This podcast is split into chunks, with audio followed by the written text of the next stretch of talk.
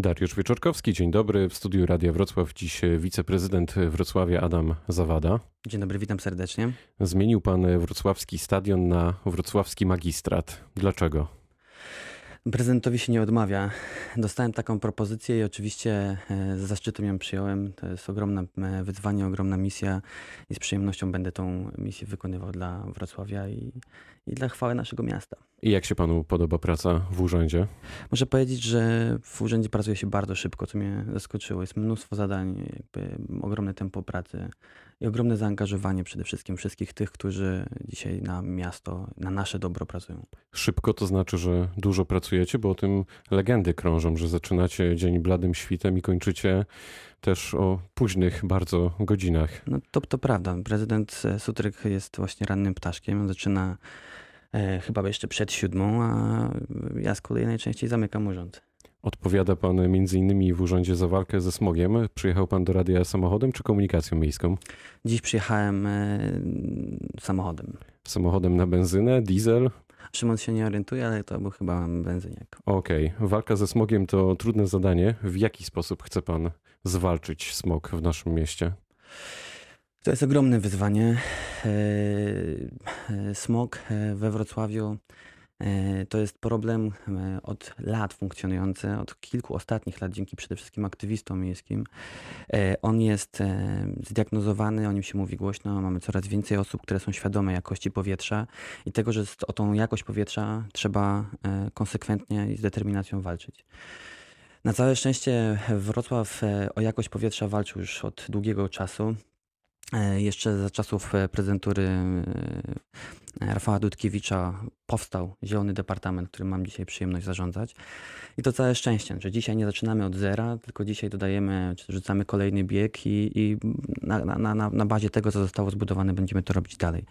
Na dzień dzisiejszy mamy uruchomiony program e, Kawka Plus, czyli dopłaty do wymiany źródeł ciepła. E, mamy uruchomiony program e, dopłat osłonowych dla tych osób, które są wykluczone energetycznie, których po prostu nie stać na to, żeby wymieniając e, kocioł e, węglowy na kocioł gazowy, pokryć tą różnicę w, w, rachunkach, bo najprawdopodobniej to po prostu będzie droższe.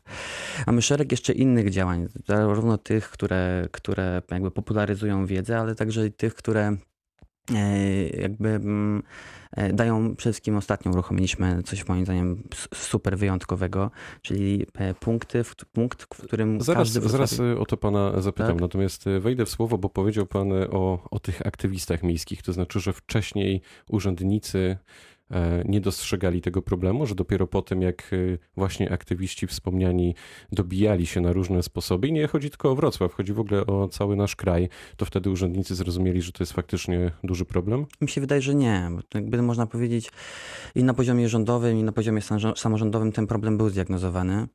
E, I to jest mnóstwo przykładów działań, które były podejmowane już wcześniej. Powiem szczerze o tym ogromnym, moim zdaniem, sukcesie właśnie programu Kawka E, który był uruchomiony i przez lata funkcjonował sprawnie i tak naprawdę dawał impuls do, do poprawy jakości powietrza w tym najważniejszym elemencie, czyli właśnie w ramach niskiej emisji, czyli w wymianie tych powiedzmy przy, kopciuchów.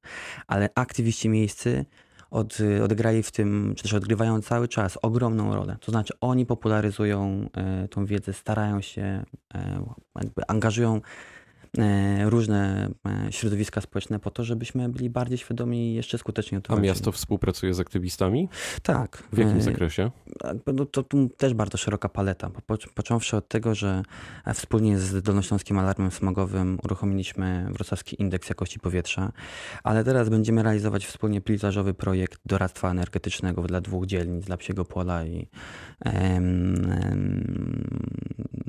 i Oporowa. I to są e, projekty oczywiście pilotażowe. Mam nadzieję, że one się sprawdzą, że będziemy realizować dalej wspólnie. No właśnie, ostatnio uruchomiliście ten punkt konsultacyjny, o którym Pan zaczął mówić, w którym to mieszkańcy będą mogli skorzystać z pomocy doradców e, energetycznych. Ile osób zajrzało do tego punktu od momentu uruchomienia? On e, będzie uruchomiony 28 lutego, także jeszcze. Czyli nie mogli zajrzeć, tak? Jeszcze nie mogli, ale E, mam nadzieję, że wkrótce e, no, wrocławianie tłumnie będą odwiedzać ten punkt konsultacyjny, ale oprócz punktu konsultacyjnego będą mogli zwrócić się do nas z prośbą przez po prostu przysłowiowy telefon, czy też będą mogli napisać maila. To jest dużo bardziej dostępna forma. Ja do tego zachęcam, ale przede wszystkim chciałbym powiedzieć, po co ludzie tam mają dzwonić.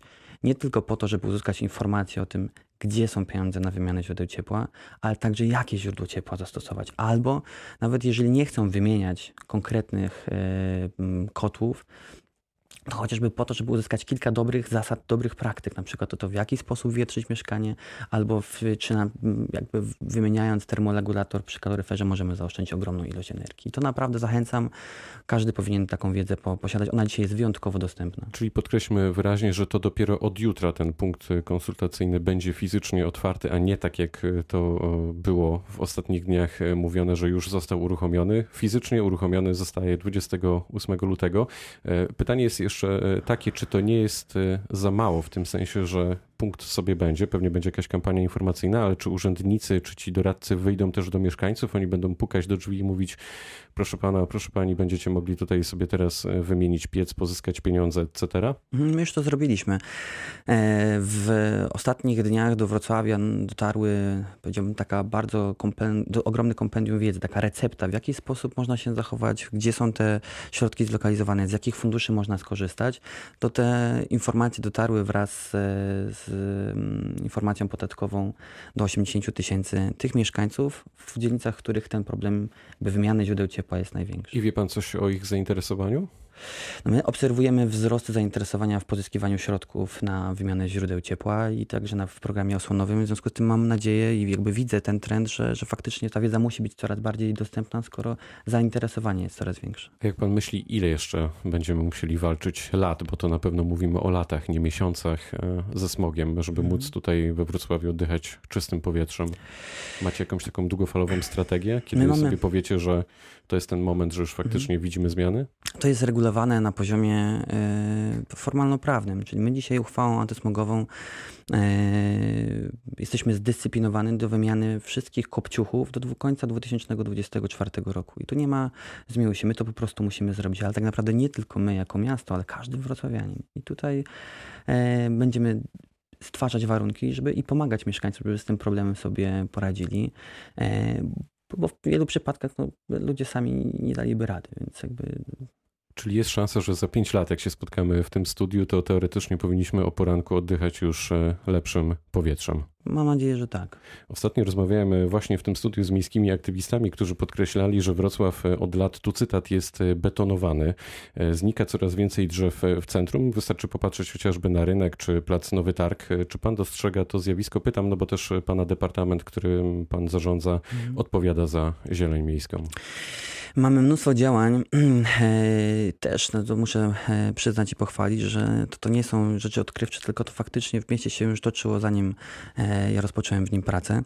Mnóstwo działań, które stwarzają nowe warunki do nasadzeń i do dbania o jakość zieleni we Wrocławiu. Jakby te przykłady, których pan wspomniał, też jestem ich świadomy i obserwowałem. Jakby nie jestem zadowolony z tego, w jaki sposób no, plac Nowy Targ wygląda, ale w wielu przypadkach jakby no, z powodów urbanistyczno-architektonicznych nie da się tego, z tej przestrzeni zorganizować inaczej. Na pewno to, że pod placem Nowy Targ jest parking, no to, to pewnym stopniu zdeterminowało to, w jaki sposób on wygląda. Przed dworcem PKP Jestem... też mamy parking, a tam tak. jakaś zieleń jest. Pytanie, czy na przykład na Nowym Targu nie dałoby się jakoś tej połaci zieleni położyć? Mhm. E, nie jestem urbanistą, czy nie jestem architektem, więc nie chcę się w tej sprawie ale wypowiadać, ale dostrzegam ten problem. I chcę powiedzieć, że e, jest kilka działań. Ja wspomnę o takim programie, którym bardzo mi się podoba. To jest projekt Grow Green, realizowany w ramach e, Horizon 2020.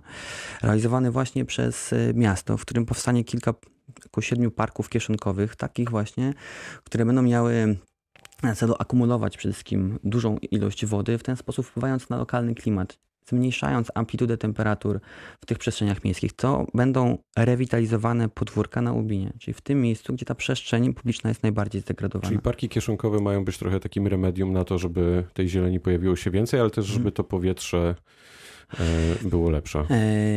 E, trzeba działań systemowych. Znaczy, takich kilka parków kieszonkowych czy kilka nasadzeń w centrum miasta to, to, to nie uzdrowi, czyli nie poprawi jakości, nie zmieni naszej architektury przestrzennej. tu potrzebujemy konsekwentnej, konsekwentnego działania, współpracy z deweloperami, współpracy z różnymi instytucjami, nie tylko miejskimi, ale i, jakby i szerzej patrząc. No właśnie, bo wszyscy muszą być świadomi. Zaczęliście szkolić urzędników.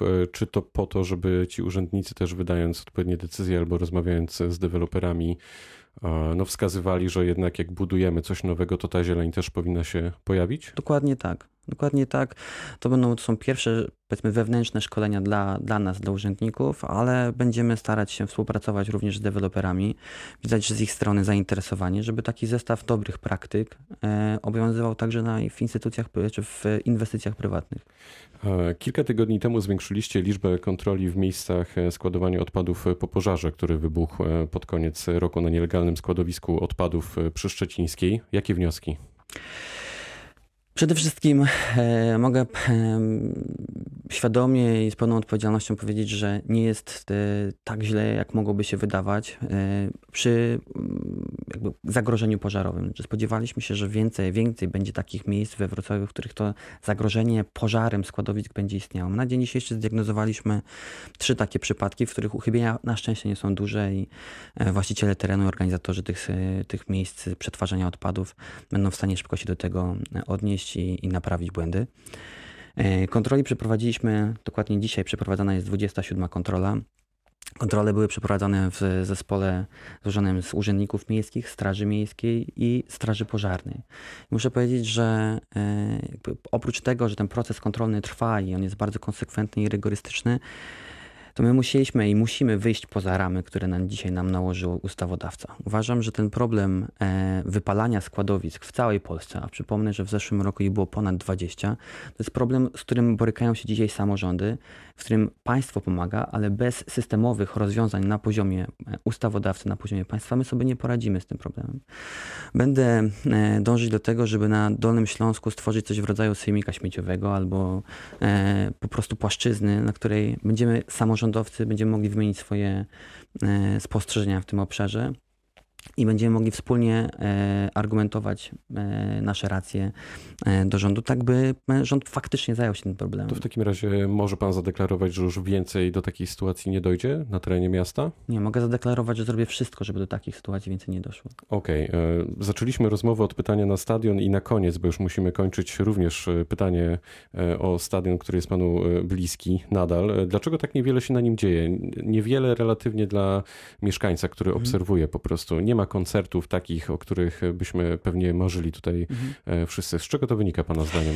Znaczy ja się pozwolę się, się nie zgodzić z tą tezą. To znaczy przypomnę, że w zeszłym roku na stadionie odbyły się cztery mecze reprezentacji, przepraszam, dwa mecze reprezentacji, e, e, koncert, jednocześnie rejsizm, wydarzenie, które, miało, które przyszło ponad 37 tysięcy osób, festiwal dobrego piwa, na którym przyszło ponad 24 tysiące. Odbyło się 17 imprez targowych. Przez pierwsze trzy kwartały, bo pamiętam dane jeszcze z, z tego okresu, kiedy pracowałem na stadionie, my mieliśmy 150 dni eventowych, zajętych dni eventowych. Oprócz tego tam się odbywają regularne rozgrywki sportowe. Może stadion nie potrafi się tym pochwalić, albo być nie potrafił. Tak, być może tak. Powiem tak, że jakby e, przede mną prezydent Dudkiewicz postawił bardzo jasne zadanie. Miałem zmniejszyć albo zwiększyć przychody tego e, tego obiektu i to się udało. My na koniec, e, mam nadzieję, że zobaczę dane już e, z podsumowania oficjalnego, ale powinniśmy mieć około 4, e, ponad 4 miliony złotych lepszy wynik finansowy niż poprzednio. I tu stawiamy kropkę. Gościem rozmowy dnia dziś był wiceprezydent Wrocławia Adam Zawada. Bardzo dziękuję. Dziękuję za spotkanie. Pytał Dariusz Wieczorkowski. Dobrego dnia.